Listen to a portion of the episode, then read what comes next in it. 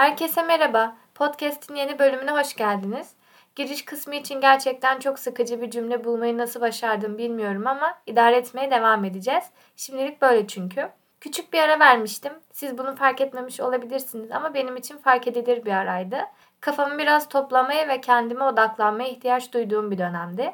Ben de bu küçük arayı verdim ve kendime biraz zaman tanıdım. Bugün de topladığım bu kafayla yeni bir konudan bahsetmek istiyorum. Ama başlamadan önce ufak bir şey söyleyeceğim. Bu podcast'i yaptığımdan beri bazı geri dönüşler aldım ve gerçekten başta da hedeflediğim gibi insanların hayatında bir küçük dokunuş yapabilmeyi başarmışım. Bunun beni ne kadar çok mutlu ettiğini söylemeden de geçmek istemedim. Bu küçük girizgahtan sonra bugünün konusuna geçebilirim. Bugün bahsetmek istediğim konu kendimizi sıkıştırdığımız yargılar ve kalıplar. Tabii ki bugün de yine yapamadığım ama yapmayı öğrenmeye çalıştığım bir konudan bahsediyorum.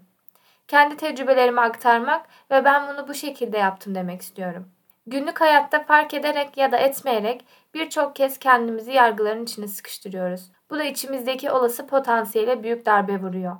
Beynimizin tahmin ettiğimizden çok daha ilkel işlediğini fark ettiğimde gerçekten çok şaşırmıştım. Öylesine ağzımdan çıkmış bir sözü bile komut olarak algılaması beni şaşırtmıştı. Ağzımdan çıkmış bir ben yapamam ya sözünü gerçekten yapamayacağım gibi algılayıp buna göre komutlar vermesi aslında bizi ağzımızdan çıkmış öylesine lafların arasına sıkıştırmış olduğunu iyi gösteriyor.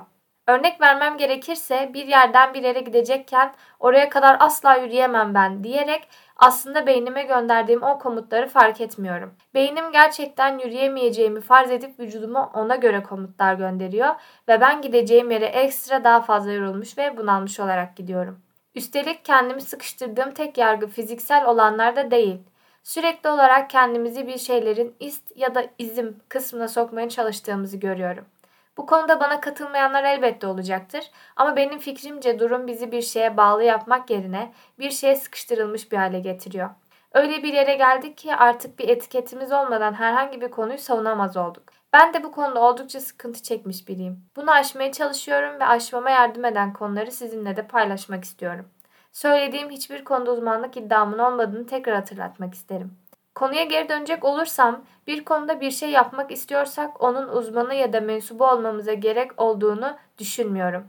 Çünkü bu bir yerden sonra insana aitlik kazandıracağını onu yabancılaştırıyor hiçbir yere ait hissedememe durumuna geliyor insan. Yine kendimden örnek verecek olursam eğer uzunca bir süre kendimi yargılarla sıkıştırdığım için hiçbir yere ait olamadığımı hissettim. Sanki kocaman bir kılıftan ibaretmişim gibi hissediyordum. Hiçbir yere ait olmayan, sadece orada duran içi boş bir kılıf gibiydim. Çünkü kendime taktığım her etiket aslında üzerime uymuyordu ve ben hem kendime hem ortama yabancılaşmaya başlıyordum. Şimdi ise olaya çok daha farklı ve özgürleştirici bir yerden bakıyorum. En azından öyle bir yerden baktığımı düşünüyorum. Kendi kendime konuşurken ya da başka insanlarla konuşurken kendimi ağzımdan çıkmış öylesine bir sözün aslında beni kalıplara sıkıştıracağını fark ederek konuşmaya çalışıyorum. Kendimi etiketlemekten kaçınıyorum ve beynimin aslında konuştuğum bütün negatif cümleleri ve kalıpları bir komut olarak algıladığını unutmamaya çalışıyorum. Dolayısıyla naçizane bunu da size tavsiye ediyorum. Kendimizi yargılara sıkıştırmadığımız, sıkıştırırsak da bunu fark ettiğimiz güzel günlere diyerek bu bölümü yavaştan bitireyim. Bu bölümde de yine yapmakta kötü olduğum ama aşmaya çalıştığım bir konuya değindim. Eğer size de bir şeylerin farklı bir bakış açısı olduğunu fark ettirebildiysem ne mutlu bana. Umarım keyifli bir şekilde dinlemişsinizdir. Görüşlerinizi bana yazmaktan lütfen çekinmeyin. Mail açıklamalar kutusunda duruyor. Oradan bana kolayca yazabilirsiniz. Dinlediğiniz için teşekkür ederim. Sonraki bölümde görüşmek üzere, hoşçakalın.